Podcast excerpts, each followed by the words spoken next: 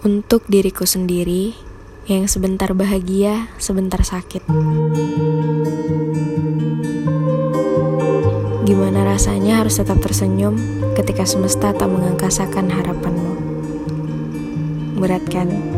Tapi gimana pun kita udah banyak banget ngelewatin berbagai hal.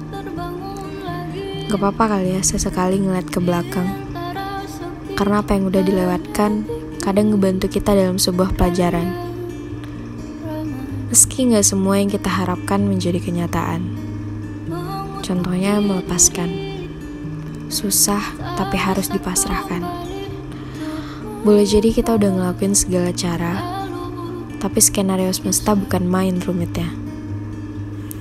Berkat penolakan dari kamu, aku sadar.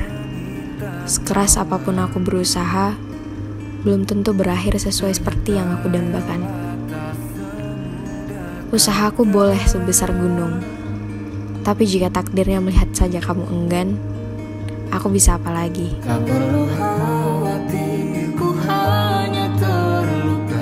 Terima kasih sudah membantu, karena kamu aku jadi mengerti yang pernah kita lalui dulu itu sangat berarti.